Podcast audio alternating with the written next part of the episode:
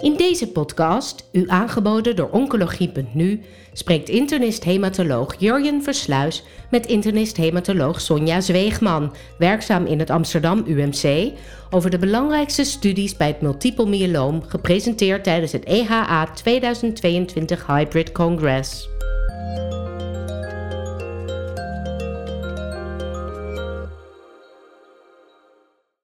Nou, Sonja Zweegman, welkom bij deze podcast over de hoogtepunten op het gebied van het multiple myeloom van de EAA 2022 in Wenen. Het viel me op dat, hi, het viel me op dat 10% van de abstracts op EAA over het multiple myeloom gingen. Dus, dus weer heel veel besproken. Ehm, en we moeten ons natuurlijk vandaag echt beperken tot, uh, tot de highlights. Voor we beginnen, wat was jouw indruk van deze hybride EAA? Nou, ik vond het eigenlijk heel goed geregeld. Het was plezierig om weer eens een keer uh, met elkaar op een congres uh, te zijn en elkaar ook echt te zien. Um, maar ik denk dat het hybride ook eigenlijk heel goed ging die dagen daarna. Ik weet niet hoeveel mensen de dagen daarna dan toch nog weer gingen kijken. Maar mensen die niet live geweest zijn, hebben dat ongetwijfeld gedaan. Dus ja, ik was enthousiast, Jurjen. Ik hoop jij ook. Fijn. Ja, ik ben zo iemand die teruggekeken heeft. En um, het wachten, een weekje wachten was, was ongeduldig, helaas. Ja. Maar goed. Zeg, voordat we de therapieën induiken, want daar gaat natuurlijk het meeste over. Het myeloom begint natuurlijk bij diagnostiek. Um, en risicoclassificatie en inschatting wie behandeling moet krijgen is soms niet eenduidig. En de eerste studie die ik met je wil bespreken gaat dus over diagnostiek. En we gebruiken de, de lichte ketenratio van meer dan 100 als een biomarker, um, wat een hoge kans heeft op progressie naar, uh, naar myeloom. Uh, al een tijdje, al een, jaar of acht zag ik. Um, en tijdens de EA werd een retrospectieve studie besproken die dit opnieuw tegen het licht hield. Welke patiënten uh, werden daar geïncludeerd en, en wat, wat, vond je van de resultaten? Wat waren de resultaten? Ja, Julien, ik, ik denk dat we allemaal wel eens worstelen uh, met het feit dat een patiënt dan opeens een FLC-ratio boven de 100 heeft. En denk je, is dat nou een reden om te gaan uh, behandelen? Dat is natuurlijk uiteindelijk in de richtlijn gekomen op basis van een serie die in één ziekenhuis is gedaan. En dan zagen ze dat 72% van die mensen in twee jaar multiple myeloom ontwikkelden. Nou, die 70% is een soort heilig getal dat je dan al mag gaan uh, behandelen. Maar we weten ook allemaal uit de dagelijkse praktijk dat mensen nog altijd een klein beetje blijven schommelen rondom die waarde. En dat het dan misschien best langer duurt voordat ze echt multiple myeloom krijgen in de zin van PrEP-criteria. Nou, ze hebben op Memorial Sloan Kettering hebben ze een, een populatie van 65 patiënten uh, bekeken. En daar hebben ze ook gekeken naar die patiënten die alleen een FLC-ratio hadden boven de 100.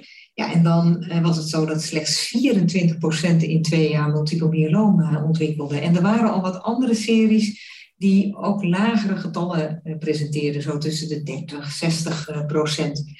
Ja, en 40 procent van die mensen waren hele trage progressors, zo wordt dat dan genoemd. Um, twee die had zelfs uh, na mediaan uh, zes jaar pas uh, progressie. En een derde die hadden ze acht jaar vervolgd en die hadden helemaal nog geen progressie. Dat was 10% van de totale populatie. Dus ja, dat is dan toch iets wat je gevoel in de praktijk ondersteunt. En zij hebben eigenlijk geadviseerd om eens te kijken, zijn er dan nog andere dingen dan alleen die FLC-ratio boven de 100? Als de plasmacellen nou ook meer dan 20% waren in het merg en het M-proteïne meer dan 20 gram uh, per liter, ja, dan ontwikkelen weer 90% van die mensen in twee jaar een multiple myeloom. Dus ik denk in de dagelijkse praktijk dat het best goed is om naar die twee parameters te kijken als je iemand hebt met een FLC boven de 100. En als dat niet zo is, dat je misschien ook af en toe eens heel even op je handen mag gaan zitten om te kijken hoe het patroon van stijging is. Gaat het enorm snel? Ja, dan ga je behandelen. Maar blijft het zo'n beetje schommelen? Nou, ben je denk ik best gerechtvaardigd in de dagelijkse praktijk nog eens even te wachten. Dus ik vond het een belangrijke en ook een leuke studie dat ze dit gedaan hadden. Wel een klein aantal, maar bevestigde een aantal andere wat kleinere series. Dus ik denk goed voor de dagelijkse praktijk. En denk je dan ook dat dat, zoals dat nu in de richtlijn staat, uh, dat we daar opnieuw, dat dat opnieuw tegen het licht gehouden moet worden? Ja, die discussie is natuurlijk gaande nu ook hè, bij de IMG. Wat er dan natuurlijk wordt gezegd is, ja, nou kijk je naar populaties retrospectief, waarvan de mensen die boven de 100 zaten en al wat sneller progredieerden, die zijn nu allemaal al behandeld. Dus je kijkt nu eigenlijk naar een, een, groep waar misschien ook wel een bias is. Dus ik denk niet dat die richtlijn nou zo 1, 2, 3 veranderd gaat worden, maar dat dit ons wel richting geeft dat we even de tijd mogen nemen om te kijken wat die FLC-ratio doet. En niet bij de eerste keer als het 102 is te zeggen zo, nu gaan we behandelen. De richtlijn weet ik niet. Ik denk het eigenlijk niet, uh, Jurjen. En dat is vanwege de bias. Ja, nou, maar dat is een belangrijke, belangrijke toevoeging. Oké, nou ja, en als we dan bij behandeling zijn, dan, uh, dan gaan we het hebben over eerste lijn studies in eerste instantie. Um, en ik wilde als eerste met je de Determination Trial bespreken. Het acroniem van die studie is veelbelovend en het is ook gepubliceerd recent in de New England Journal. Um, en deze studie onderzocht de belangrijke vraag of hoge dosis melphalan en autologe stamceltransplantatie wel een toegevoegde waarde heeft. Wat was het design van deze studie en wat vind jij van dat design? Ja, er zijn natuurlijk een aantal studies eh, gedaan, nu al in het verleden eh, drie, waarin gekeken is, is een autologe stamceltransplantatie nou nog nodig op het moment dat je nieuwe middelen hebt? En het antwoord daarop was, eh, was ja. maar in dit studiedesign werd niet bijvoorbeeld alleen bortezomib of alleen een IMID gebruikt, maar een combinatie. Dus bortezomib in combinatie met lenalidomide met dexamethason, dus de zogenaamde VRD. En mensen werden ofwel behandeld met acht cycli van die VRD en kregen vervolgens lenalidomide onderhoud, of ze kregen drie van die cycli, dan een hoge dosis uh, melphalan stamceltransplantatie en nog een keer twee cycli, dus vijf cycli plus een hoge dosis stamceltransplantatie. Misschien goed om te zeggen dat in 2017 de Franse variant van deze studie al uh, is gepubliceerd. Dat heeft te maken met het feit dat de inclusie bij de IFM in Frankrijk ongelooflijk snel, uh, snel is. En in Amerika eigenlijk niemand dan een gerandomiseerde fase 3-studie mee wil doen. Dus die heeft dan nog eh, een jaar of vijf op zich laten wachten. Ze lieten beide hetzelfde zien. Namelijk dat een autologe stamceltransplantatie van toegevoegde waarde is. In de Franse studie was het zo dat de standaardarm eh, leidde tot een progressievrije overleving mediaan van 35 maanden. En dat was in de autologe stamceltransplantatiearm 47 maanden, dus zonder stamceltransplantatie 35, met stamceltransplantatie 47. In de determination trial uh, waren de resultaten wel beter met dezelfde tendens. Dus in de arm zonder transplantatie 46 maanden, dus eigenlijk gelijk aan de stamceltransplantatiearm bij de Fransen. Maar in de stamceltransplantatiearm 68 maanden. En nou is natuurlijk de vraag, hoe komt dat nou dat die resultaten zoveel uh, beter uh, zijn? En dat ligt waarschijnlijk toch aan het feit dat de Fransen uh, hun studie in een tijd deden dat er op een gegeven moment toch tweede primaire maligniteiten aan het licht kwamen bij het gebruik van lenalidomide. Ze hebben in die fase eigenlijk de lenalidomide onderhoudstherapie tot een jaar gelimiteerd. Terwijl de um, Amerikanen, de eh, studie, de Amerikaanse studie, heeft lenalidomide tot aan progressie gegeven. Dus ik denk dat deze studie twee belangrijke dingen laat zien. Ja, autologe stamceltransplantatie is nodig. B, uh, lenalidomide tot aan progressie is denk ik toch gerechtvaardigd als je deze progressievrije overleving uh, ziet.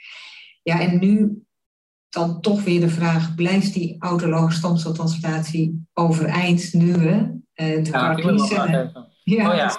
ja, nou, ik wilde eigenlijk de vraag stellen in, de, in, de, in de setting van daratumumab. Ja, in de, in de setting, ja, en, ja, daar heb je gelijk in. Dus in de setting van daratumumab in combinatie met bortezomib, tanidomide, dexamethason of tanidomide vervangen door de lenalidomide, ja, is dan die stamceltransplantatie nog nodig? Nou, en daar uh, is nu natuurlijk uh, uh, de Carditude 6-studie is daarvoor ontwikkeld, die ook in Nederland gaat lopen vanuit de EMN georganiseerd. En daar wordt dan um, inductietherapie, consolidatietherapie vergeleken met aan de ene arm CAR T-cellen tegen BCMA. en dan de andere arm de autologe stamceltransplantatie. Dus ik denk dat we tot aan mijn pensioen deze vraag blijven stellen of een autologe stamceltransplantatie nog nodig is. Hoewel die nu misschien toch wel anders beantwoord gaat worden. Maar de tijd gaat het leren, uh, Jurjen. Maar het was een, een, belangrijke studie, denk ik, die, uh, die gepresenteerd werd daar. Ja. Nou, en um, uh, als we dan gaan hebben over die vervolgbehandelingen, je stipt het al even aan in het kader van de Determination Trial, de Atlas-studie die onderzocht eigenlijk de onderhoudsbehandeling na inductie en autologe stamceltransplantatie. Kan je daar iets zeggen over um, uh, wat het design van die studie was en wat, wat de gedachte daar was? Ik vond het best een lastig design, ook weer heel Amerikaans. Hè? In die zin dat je eerst twaalf maanden uh, met iets behandeld mocht worden en dat noemen ze dan inductie. Ja, dat is toch wel een vrij lange inductie, dus dat is een vergaarbak aan patiënten die inductietherapie hebben gekregen met verschillende middelen gedurende uh, verschillende duur. daar gaven ze weinig informatie over overigens tijdens het congres. Dan vervolgens die autologe stamceltransplantatie. En dan was er een onderhoudsbehandeling. en die vergeleek lenalidomide alleen, dus de standaardbehandeling. En dat is denk ik eh, heel goed. Versus de combinatie van carfilzomib met lenalidomide. Dan deed ze nog wel iets uh, moois erbij. Maar daardoor werd de studie nog wat moeilijker, denk ik, uh, te, te, te, beoordelen. Daar, daar zullen we de, de uiteindelijke publicatie voor af moeten wachten. Maar als mensen standaard risicoziekte hadden en na zes cycli onderhoudstherapie met carfilzomib, lenalidomide MRD negatief eh, werden, dan gingen ze ook al over naar lenalidomide eh, onderhoudsbehandeling alleen. Het is wel mooi dat ze dat MRD gestuurd hebben, maar de randomisatie daarin niet methodologisch helemaal uh, goed, denk ik. Maar belangrijk wat deze studie wel liet zien, is dat als je de combinatie gaf van carfilzomib met lenalidomide, dat de progressievrije overleving beter was dan met lenalidomide alleen. En uh, dat was uh, ongeveer 40% risicoreductie. En dat komt ongeveer overeen met de Forte trial, die al gepubliceerd is. Die hebben wij wel eens eerder besproken, bij een eerdere gelegenheid. Dat is de studie die ook lenalidomide onderhoud heeft vergeleken met carfilzomib lenalidomide, met een veel duidelijker design. Dat was gewoon met een, een, een uniforme inductietherapie, consolidatietherapie, ook autologische stamceltransplantatie versus geen autologische stamceltransplantatie. En ook daar lieten ze net iets minder, maar ook ongeveer 40% risicoreductie zien van progressie. Dus onderhoudsbehandeling met twee middelen gaat uh, denk ik ook wel standaard worden ten opzichte van het gebruik van nu alleen lenalidomide. Uh, maar of dat nou de combinatie carfilzomib lenalidomide gaat worden of ja, daratumumab lenalidomide, wat nu, waar nu studies naar, uh, naar gaande zijn, ja, dat zal de tijd moeten, moeten leren. Um, ja, dat moeten we nog zien. Maar dubbele therapie, toch wel van toegevoegde waarde. Progressievrij overleving. Ik vind eigenlijk dat je voor een onderhoudstherapie over survival zou moeten ja. eerlijk gezegd. Dat vind jij denk ik als goed methodoloog denk ik uh, ook uh, hier. Nou, en ik moet je eerlijk zeggen, er is op dit design denk ik best wat uh, kritiek te leveren wat we misschien nu niet moeten doen. Maar um, de, de follow-up van deze studie was toch ook wel relatief kort. Ja. Uh, het gaat over een behandel, uh, een onderhoudstraject van, uh, van drie jaar. met dan een mediane follow-up die een beetje in die orde van grootte lag. Ja. Dus ik denk ja. dat voor deze studie, zeker als je kijkt naar, zoals je terecht zegt, overal survival, dat langere follow-up ook wel echt belangrijk is. En dat, dat geldt denk ik eigenlijk voor iedere onderhoudsstudie. Ja, nee, dat zijn we, dat zijn we helemaal, helemaal eens. En ja, weet je, behandeling tot aan progressie gedurende zoveel jaar wordt dat dan. Hè? Dat gaat dan, dan ga je ook afvragen wat gaat dat uh, de kwaliteit van leven van mensen ook uh, betekenen. En ik denk dat dat ook een belangrijke uitkomstparameter moet zijn in de komende studies. Als je ziet hoe lang die behandeling gaat zijn. Prachtig dat het zo lang is, want dat zegt iets over progressievrij zijn. Aan de andere kant ook wel effect op, het, op het dagelijks leven. Nou ja, en niet alleen dat, denk ik ook financiële toxiciteit uh, is uh, bij zo'n langdurige behandeling denk ik iets waar we met elkaar over na moeten blijven denken.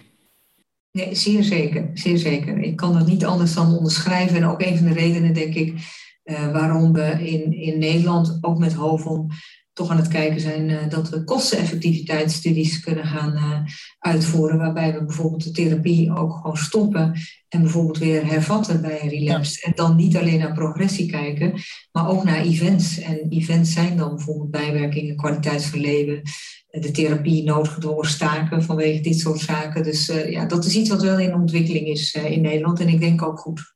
Ja, en, en dan nog heel even over deze studie. Wat denk ik wel elegant is, is dat ze een risicogestuurde behandeling deden. Hè? Je kan natuurlijk wat zeggen van die randomisatie. Maar misschien is dat toch ook iets hoe, ik weet niet hoe jij daarnaar kijkt, hoe onderhoudsbehandeling toegepast kan worden. Meer gericht op, op de respons die je daarmee bereikt. En dan uiteindelijk de besluit tijdelijk te stoppen. Ja. ja, je ziet nu, terwijl in het verleden was het paradigma altijd doorbehandelen, doorbehandelen. Tijdens de IMG-dagen, die zijn altijd net voor de EAA, wordt het woord fixed duration toch wel uh, vaker genoemd. Dat heeft ook te maken, daar komen we denk ik zo nog op, de bispecifieke antistoffen, want dan krijg je toch ook wel infectiegevaar. Uh, maar MRD gestuurd uh, onderhoudsbehandeling gaan geven, dat wordt nu in een aantal gerandomiseerde studies uitgezocht, waarbij ze dan wel een beter design hebben, waarbij je zowel de MRD-negatieve als de MRD-positieve patiënten separaat randomiseert, waarbij je bij MRD-positiviteit iets toevoegt of verandert qua therapie, want dan heeft misschien doorgaan geen zin meer. En bij MRD-negativiteit doorgaan versus staken gaat vergelijken. En dan krijg je echt een prachtig design, ja, waarbij je ook echt een hele uh, solide conclusie kunt, kunt trekken. En die studies zijn gaande momenteel. Nog even wachten. Oké, nou belangrijk. En daar gaan we vast later nog een keer over spreken. Laten we dan van de eerste lijn naar de, de relapse setting ehm, gaan. Waarbij natuurlijk, je zei het al, de resultaten van immunotherapie niet, niet te missen zijn. Bij de EA werden weer veel nieuwe studies besproken. Uh, wat waren voor jou daar de hoogtepunten?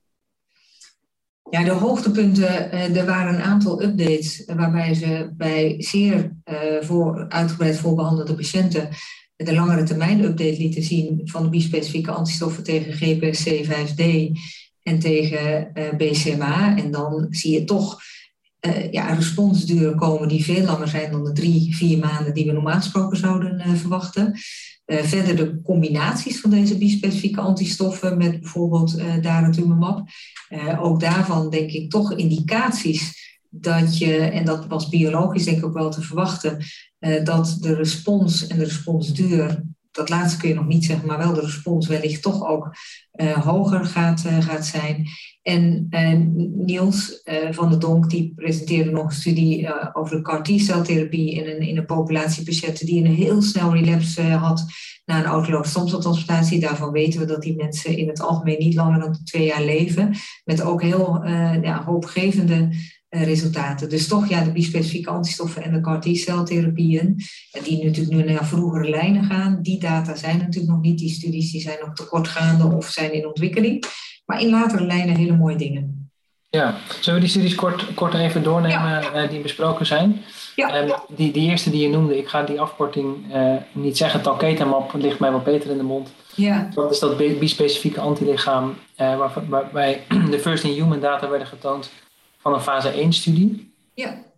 Monique, Monique, Monique Minema, die toonde de update van de talkwetenmap. Dus een mooi Nederlands tintje uh, daaraan. Ja, die, die, uh, het is gericht tegen GPC5D. En waarom dat toch van belang is, daar kom ik zo op. Dat is het bijwerkingenprofiel van, van dit middel. Want het zit ook op mucosale cellen. Dus daar zal ik zoiets over zeggen. Nou, nogmaals, een zeer ehm, ja, veel voorbehandelde patiëntenpopulatie, zes lijnen van therapie. Dat zegt tegenwoordig wat minder dan als we gaan kijken naar triple class, beta class refractory. Nou, het was zo dat uh, driekwart uh, van de mensen die uh, was triple class refractory, dus echt tegen een monoclonaal tegen uh, anti-CD38 in het algemeen, tegen een 1 imet en tegen een proteasoomremmer. Maar uh, er waren ook een kwart van de mensen penta-class refractory. Dus die zijn dan tegen twee immets, twee proteasoomremmers en een monoclonale antistof refractair. Dus ja, dat is een patiëntenpopulatie waar wij maar heel weinig therapie standaard nog voorhanden hebben. Um, nou, het eerste even wel veilig. Er kwam uh, cytokine release syndroom uh, voor tot ongeveer 80 procent. Maar graad 3 uh, was minder dan 5 procent. 3 procent even uit mijn, uit mijn hoofd. Dus dat was heel, heel feasible. Maar wat je dus wel bij dit middel dan specifiek zag, was huidvervellingen. nagels die afbrokkelen. en dat heeft allemaal te maken met de expressie van die GPC5D. En het andere is dat mensen niet meer goed uh, ruiken. Ja, dat heeft tegenwoordig in onze populatie ook een andere reden. Dat is COVID. Maar ja. uh, hier is dat ook zo. En, en, met name ook niet, uh, ik zeg het eigenlijk fout, het, het niet goed kunnen proeven ook meer. Dat, dat is echt heel, heel vervelend. maar wat je, ja, dat, dat, dat trad zo tot 60% op. Wij kennen dat ook uit de dagelijkse praktijk, patiënten die we daarmee behandelen. Ja, wat wij doen is spullen om de mucosa vochtig te houden, soms wat corticosteroïds spoelingen die je daarvoor kunt uh, gebruiken. Maar het is een, een lastig te behandelen iets. Mensen hebben soms helemaal geen trek meer. Die hebben het echt idee dat ze karton uh, eten. Dus oh. dat doet de kwaliteit van leven soms wel iets verminderen. Je ziet het vaak in de loop van de tijd wel weer wat beter worden. Ja, wat je ermee wint is een enorme hoge overall response rate van 70 procent. En je ziet ook dat de, de meeste mensen hebben dus een very good partial response of better, hè, beter, want dat was uh, rond de 55, 60 procent. Dus als je een respons hebt, is het meestal heel uh, goed. En Monique die toonde ook de duur van de respons nu. En die was bij de één keer per week dosering was die tien weken. En bij de één keer per twee weken dosering, waarbij je dus de dubbele dosering krijgt, één keer per twee weken, dertien weken. Ja, en nogmaals, dat, dat, is, dat is nog iets waarvan je de progressievrije overleving zal dus hoger zijn. Dit was alleen maar de duur van de respons. Dus ja, we gaan zien wat dat gaat worden, maar wel hoopgevend. Ja, en ehm, wat, wat, ik me dan afvraag, hoe lang, hoe lang worden deze patiënten behandeld? Is dit zolang als het uh, patiënt het verdraagt? Ja, dit is tot aan uh, progressie. Uh, Je ziet in de studies die nu gaande zijn dat we aan het proberen zijn om bijvoorbeeld, ze starten vaak één keer per week, dan gaan ze naar één keer per twee weken. Er zijn nu al protocollen waarbij het één keer per maand wordt gegeven. Dan wordt het voor mensen toch wat meer feasible, want dan hoeven ze wat minder vaak te komen. Um, er zullen studies gedaan gaan worden met fixed duration en dat heeft te maken met de infecties. Want je ziet bij al deze bispecifieke antistoffen dat ook de gewone plasmacellen verdwijnen en daarmee ontstaat er een hypogammaglobulinemie. Dus je moet bij die mensen ook gammaglobuline gaan toedienen op een gegeven moment. Verder eh, prophylaxe tegen virale infecties en ook tegen bacteriële infecties. Maar desalniettemin uh, kun je toch geconfronteerd worden met ineens een bacteriëmie en een sepsis. Dus je moet heel erg beducht zijn op zeer ernstige infecties. En dat hebben wij ook uh, gezien. En de vraag is dus of je niet op een gegeven moment kunt stoppen. Bij sommige van die mensen die wij hier behandelden, moesten we staken vanwege een ernstige infectie met bijvoorbeeld multiorgaanfalen, waardoor mensen langdurig moesten stoppen. En die mensen zijn gewoon in complete remissie nog steeds. En die zijn vaak al maanden gestopt. Ja, dat is natuurlijk nog allemaal en is heel weinig. Maar dat doet vermoeden dat dat kan. En het andere wat ook plezierig is, is dat je misschien ook de T-cellen weer wat tijd geeft om wat minder vermoeid te raken. En misschien kun je wel weer hervatten op het moment dat de ziekte weer wat terugkomt. Nou, dat soort studies, uh, die zijn nu eigenlijk in ontwikkeling. En weet je dan iets over de PK, hoe lang dat stofje zeg maar um, zijn binding heeft?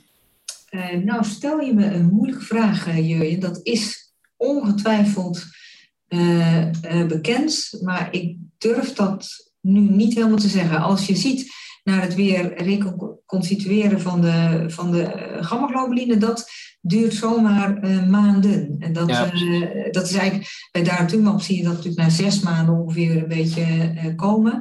Dat is hier in mijn gevoel ook zo, maar ik durf niet heel hard te zeggen. Nee, nou goed, en de aantallen zoals je zei, zijn natuurlijk al ja. nog beperkt. Nou, dat is, dat is monotherapie met dit met, ja. met Alketeman, met dit specifiek. Niels die die data zien, Niels van der Donk, ja. de TRIM-2-studie gecombineerd met daratumumab. Voegde dat wat toe? Was dat beter?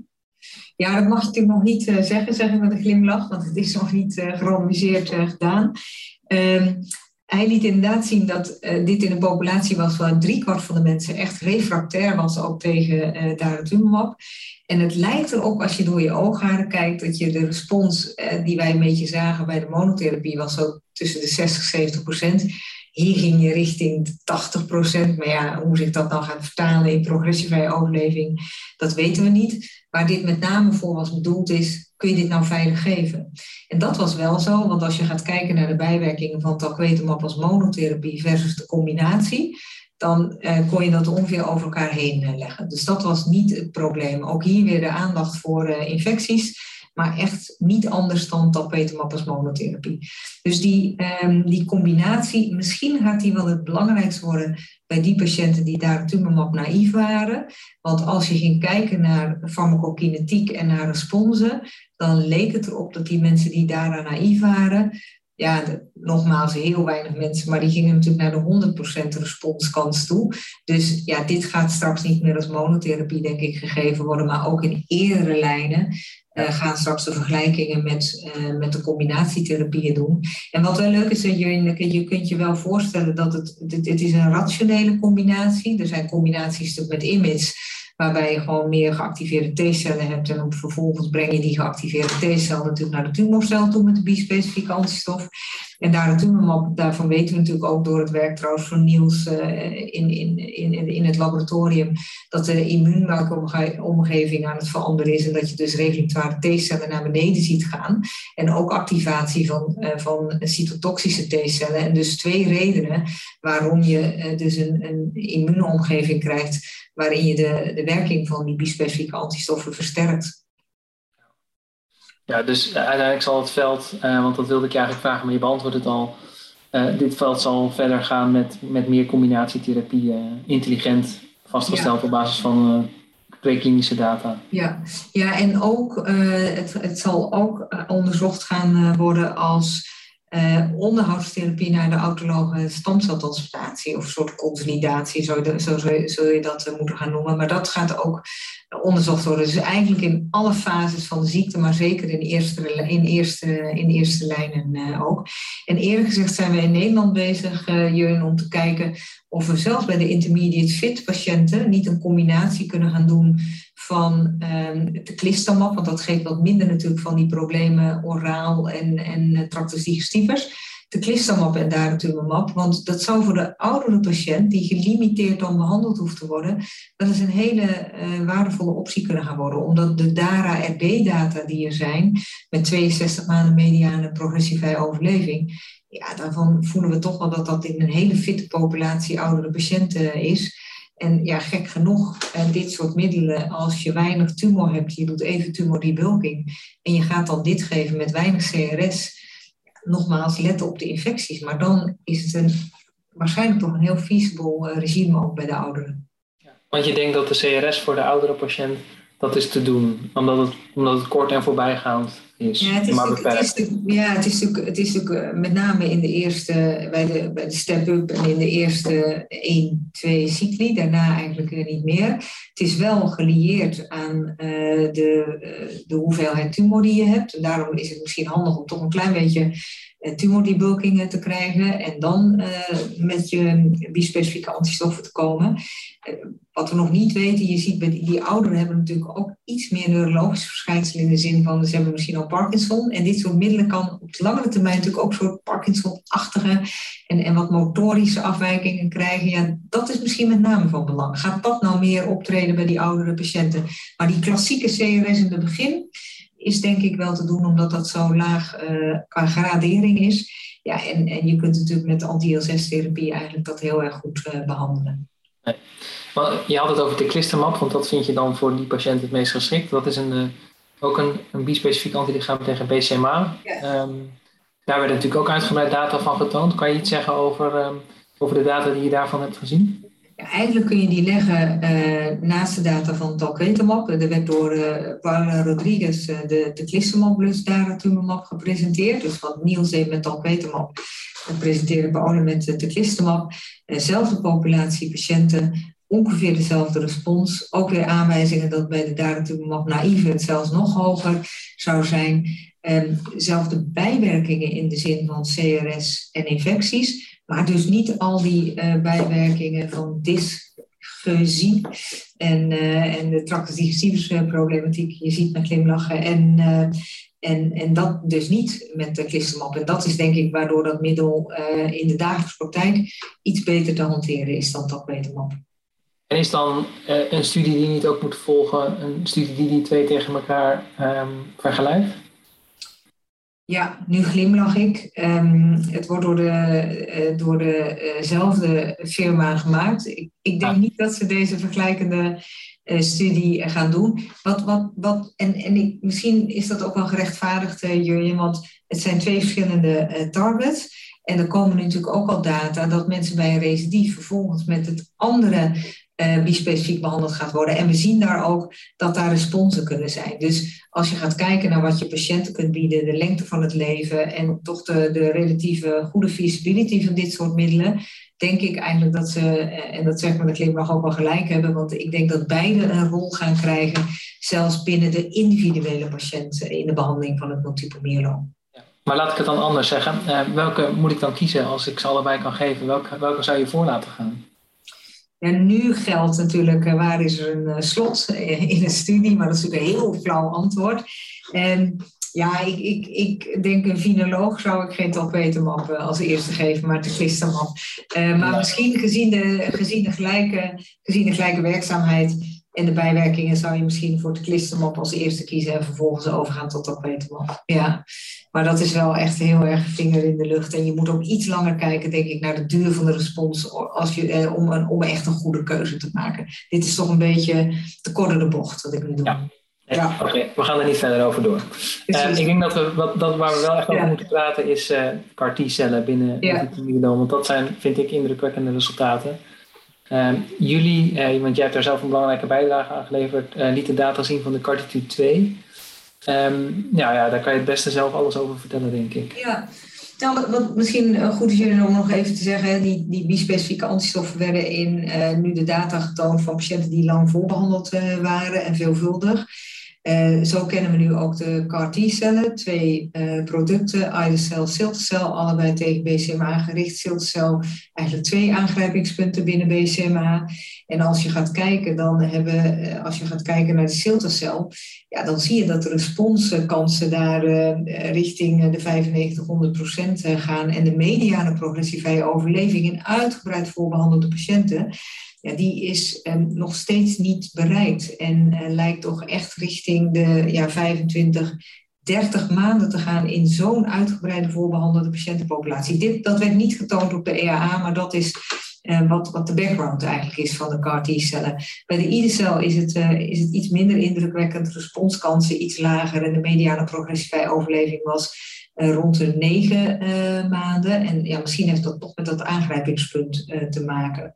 Nou, dat heeft natuurlijk toe geleid dat men heeft gezegd, ja, dan moet die CAR T-celtherapie toch naar eerdere fase. Ik vertelde net al, de gatenstudie lopen in eerste lijn versus autologische stamceltransplantatie. Maar Niels presenteerde de data van die patiënten die binnen 12 maanden na een autologische stamceltransplantatie een uh, recidief uh, kregen. Nou, we weten dat uh, die mensen eigenlijk in het algemeen niet langer leven dan, dan twee jaar nadien. Hè, met alle middelen die we momenteel hebben. Dat is een patiëntenpopulatie met een hele slechte prognose. En nogmaals, het waren weinig patiënten, even uit mijn hoofd 19 waarvan de data werden getoond. En met nog een korte follow-up. Maar 100% kans uh, op respons, of niet kans. Ze hadden 100%, 100% van de patiënten had een, uh, een respons.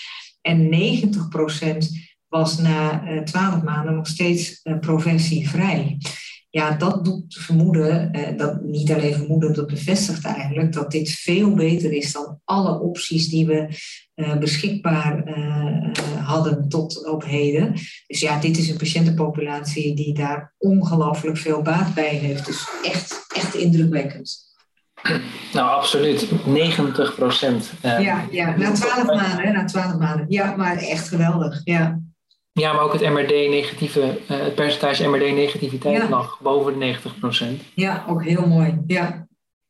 Um, dus ja, dat, dat, is natuurlijk fantastisch. En ik denk dat um, dat, dat alleen maar onderstreept dat dat naar, de, naar een vroegere lijn van behandeling moet eigenlijk. Ja. Hoe, hoe wordt dit verdragen? Wat is de CRS uh, die, die hier gezien wordt? Ja, de CRS uh, die, die is ook allemaal zo uh, rond 70 procent hè, in alle graderingen. Maar de ernstige CRS die ligt dan weer zo rond die 5 procent. Dat is veel minder. Dus ook dat is vrij feasible. En wat je ziet in de dagelijkse praktijk is dat natuurlijk veel sneller gewoon tocilizumab geven. En, en, en misschien soms wel eens wat, wat heel snel, maar daarmee zie je wel dat je voorkomt dat patiënten naar de IC toe moeten omdat ze hemodynamisch instabiel worden of toch longedemen hebben. Je ziet overigens überhaupt hè, met de BCMA uh, gerichte CAR T-celtherapie in tegenstelling tot uh, CAR T-celtherapie bij bijvoorbeeld uh, lymfomen, dat er echt wat minder um, bijwerkingen zijn. en dat heeft te maken, denk ik, gewoon met de expressie van, van BCMA versus CD19, ook bijvoorbeeld in, in hersenweefsel. dus heel visible. Je ziet wel wat late toxiciteit ook bij deze therapie. En dat is dan met name neurologisch van aard. En dat zijn dus die een beetje motorische stoornissen, het Parkinson-achtige ja, dat is wel iets wat we met langere follow-up uh, nu uh, zelden overigens, maar wel soms uh, observeren. ja, dat gaat dan toch vaak met heel kortdurend corticosteroïden ook wel weer heel snel weg. Maar bijvoorbeeld ook opeens hersenzenuwuitval of zo kan dan zomaar ineens komen. Dus toch een beetje een gekke neurologische toxiciteit, maar heel goed in de dagelijkse praktijk ook te behandelen. Kan je dat verklaren eigenlijk, die, die gekke neurologische toxiciteit? Nee, weten we nog niet helemaal precies waardoor dat komt. Er wordt nu uitgebreid onderzoek naar gedaan. Het is wel zo dat je ziet dat als je goede tumor uh, debulking uh, doet door de bridging therapie, dat het dan veel minder optreedt. Dus het heeft ook uh, zeg maar toch wel te maken met ehm, ja, cytokine gemedieerd. Dat, dat denken we wel, maar het is wel wat later allemaal. Maar debulking heeft dat wel sterk doen verminderen. Dus dat doet vermoeden dat, dat daar toch ook een, een, ja, een rol speelt. Ja, die cytokine. Ja. En met, met CAR-T als zo'n zo effectieve behandeling, verwacht je dan nog uh, dat daar combinatietherapieën zullen geëxperimenteerd worden? Ja, want het probleem is natuurlijk toch, uh, in tegenstelling tot de CAR-T bij lymfomen, waar je toch plateaus uh, ziet, zie je dat ja, nu bij de, bij de Siltacel lijkt dat wel aan te komen, maar weten we nog niet, want daar is dat tekort voor. Maar bij multiple myeloma zagen we dat natuurlijk vooralsnog niet, ook niet bij de uh, En ik denk dat de micro-omgeving daar een rol uh, speelt uh, ook. En, en ook gewoon uh, ja, misschien toch iets van immunosenescence geeft. Dus die cellen die moeten wel persisteren. Die moeten actief blijven persisteren. En dat is de reden waarom combinatietherapieën wel voor de hand liggen. Uh, en dat kun je dan weer doen, ofwel met daratumumab vanwege hetzelfde principe wat ik net zei, of toch ook uh, de immuunmodulatoire middelen, of tegenwoordig ook de celmons, iberdomide bijvoorbeeld, die, die zullen een rol gaan spelen om die persistence te verbeteren. En verder zien we natuurlijk ook, er gaan naar dual CAR T-cells toe, daar werden nu geen data getoond, maar dat twee targets separaat worden, worden herkend. Ook om ervoor te zorgen dat als er downregulatie is van een, van een target, dat het dan nog wel via de andere target tot effectiviteit kan eh, leiden. Ja. Nou, ik wil het als laatste met jou hebben over, voor, over de oudere uh, kwetsbare patiënt. En, en, dan komt bij mij eigenlijk gelijk die vraag op uh, CAR-T-cellen in de oudere kwetsbare patiënt. Hoe, hoe kijk je daar tegen? Nou, verwacht je daar? Nou, ja, dat gaat uitgezocht worden in de CARDIGIT 5-studie. gaan ook een aantal Nederlandse centra aan meedoen. Best een bijzondere uh, definitie. Want dat zijn dan patiënten die niet uh, in aanmerking komen voor stamceltransplantatie maar wel voor CAR T-cellen. En we weten natuurlijk nog niet zo heel goed ja, wie dat nou uh, zijn. Uh, maar uh, wel een interessant concept. De studie die gedaan wordt, vind ik niet de beste controlearm. Ik zou dat toch eigenlijk gerandomiseerd hebben willen zien tussen daratumumab met de dexamethason. Dat is gewoon het beste regime wat we hebben. Nou, dat wordt VRD. Dat, dat, is toch een beetje een gemiste kans, denk ik. Wordt in Amerika natuurlijk wel veel gegeven daar ook. Uh, en dat geeft een veel kortere mediane progressievrije overleving. Maar we gaan het leren. Uh, het meest beducht denk ik toch een beetje uh, ja, over de neurologische toxiciteit daar. Maar ik kan me best voorstellen dat het feasible is. Ik kan me ook voorstellen dat de, de bispecifieke net iets eerder in de intrede bij de ouderen gaan vinden dan, dan de CAR-T-cellen. Nou, we moeten het, uh, dank daarvoor, als intermezzo, we moeten het heel even hebben ook over de data van de hoofdvorm 123 die gepresenteerd werden door uh, Cas Groen met uh, daratumumab ixazomib dexamethason. Um, hoe werd dat schema verdragen in, in kwetsbare patiënten? Die, die, um, die hoofdron 43 bestond uit ixazomib, daratumumab en dexamethason. En uh, we hadden dat al eerder gepubliceerd uh, voor de frail uh, patiënten. enorm goed verdragen in de zin dat daratumumab geen enkel probleem is. Ook niet bij de frail patiënten zoals we publiceren, maar zeker ook niet bij de intermediate fit. Wat je wel ziet is dat middelen die potentieel ehm, ja, neurotoxiciteit kunnen geven, dus polyneuropathie zoals ixazomib, ook hier bij deze patiëntenpopulatie iets vaker gestopt moest eh, worden dan je zou eh, verwachten. En dat heeft te maken met het feit dat die mensen, denk ik, toch onafhankelijkheid uh, willen blijven behouden in hun leven. En bij wat minder polyneuropathie dan toch die therapie staken. Ja, en wat deze studie met name, denk ik, toonde, is dat er echt een unmet need is voor intermediate fit patiënten. Want de mediane progressievrije overleving was rond de 17 maanden. En je ziet al dat dat een hele andere populatie is dan de intermediate fit in de DARA-RD-studie. Want daar hebben wij een frailty subanalyse gedaan van die uh, Maya trial. Die hebben we gepubliceerd. Dat hebben we gedaan met de Simplified Frailty Index. Dus dan namen we niet de patient-reported ADL en IADL, maar de performance score zoals die door de, door de dokter werd ingeschat. Ja, daar was de mediane PFS 41 eh, eh, maanden met RD en met DARA RD nog niet eens bereikt. Dus ja, dat, die 41 maanden versus 17 maanden, dat is een groot verschil. En die 17 maanden komt een beetje overeen met RD, wat Alessandra La Rocca in een intermediate fit populatie, als ze die IMG frailty index gebruikte, ook liet zien. Dus echt een, een andere populatie dan in die studies en echt een populatie waarin we het moeten verbeteren. Want ja, 17 maanden met alles wat we nu hebben, is gewoon niet goed. Dus daar zullen we echt stappen voor moeten zetten. En vandaar ook bijvoorbeeld de combinatie van de klistermap en daratumumab die we heel graag uit willen gaan zoeken. Wat ligt dat dan meer aan het feit dat de patiënten de behandeling niet kunnen voltooien door toxiciteit of gewoon door gebrek aan, aan responsiviteit? Beide eigenlijk. Je ziet uh, dat, uh, dat ja, door de toxiciteit stoppen ze sneller en daarom is de respons uh, minder. Maar je, je ziet ook ja, dat, dat um, de duur van de respons al korter is bij die patiënten. En wat daar nou precies de oorzaak van is, dat weten we ook nog niet, niet helemaal. Maar het is in ieder geval een populatie die een veel slechtere prognose heeft dan je in die studies zit als je die Simplified Frailty Index gebruikt. Nou is, um, als je het hebt over het behandelen van oudere patiënten is natuurlijk niet alleen de behandeling belangrijk, maar ook de patiënt die daaraan vastzit. En ik hoorde jou in een van jouw uh, mooie overzichtspraatjes vertellen over het uh, eh, 3S-concept. Kan je daar nog, uh, kan je daar, bij kwetsbare patiënten, kan je daar nog iets over, over zeggen wat je daarmee bedoelt? Ja, wij zitten natuurlijk allemaal gewoon therapie aan te passen hè, bij, bij kwetsbare patiënten. Maar ehm, als je gaat kijken naar de oudere geneeskundigen, die kijken eigenlijk heel anders. Die kijken gewoon, kunnen we nou die kwetsbaarheid gewoon niet beter maken? Kunnen we dat niet optimaliseren? En um, ja, we worden natuurlijk allemaal ouder in het leven, Jurjen. Uh, en, uh, en nou is het zo dat uh, er, is, er is gewoon een, een, heel groot onderzoeksgebied om te kijken hoe je kwetsbaarheid, frailty, biologisch kunt verbeteren. Frailty is een ingewikkeld concept, daar ga ik niet op in, want we spreken daar al heel lang over. Maar wat in ieder geval gebeurd is, is dat cellen niet meer delen als je ouder wordt, biologisch gezien, als je gaat agen. En als cellen niet meer delen, dan noem je ze senescent. En als ze senescent zijn, dan gaan ze cytokines produceren en ze gaan ook extracellulaire matrixprotease uh, produceren. En dat leidt er eigenlijk toe dat die weefsels ouder worden en dat er een bepaalde mate van ontsteking optreedt. Dat noemen ze inflammaging met een heel mooi uh, woord. En die twee dingen die leiden eigenlijk tot cardiovasculaire ziektes, neurodegeneratie, gewichtsverlies, spierverlies en, en, en zwakte. En dan heb je eigenlijk het fenotype uh, van, uh, van frailty. En um, nou, er is één ding wat ik niet graag doe, maar wat wel werkt, en dat is sporten, want daar krijg je gewoon meer spieren van. Hè? Dus je zou natuurlijk ook gewoon uh, programma's kunnen ontwikkelen waarin je oudere mensen gewoon wat meer laten bewegen. Dan krijgen ze meer spieren. En het mooie is dat als je gaat kijken naar sarcopenie, de spierverlies, dan is dat ook echt een, een voorspellen voor een slechte uitkomst. Dat hebben ze met name in de oncologie onderzocht. En wij hebben dat in de hoofdmodel 23 ook al onderzocht.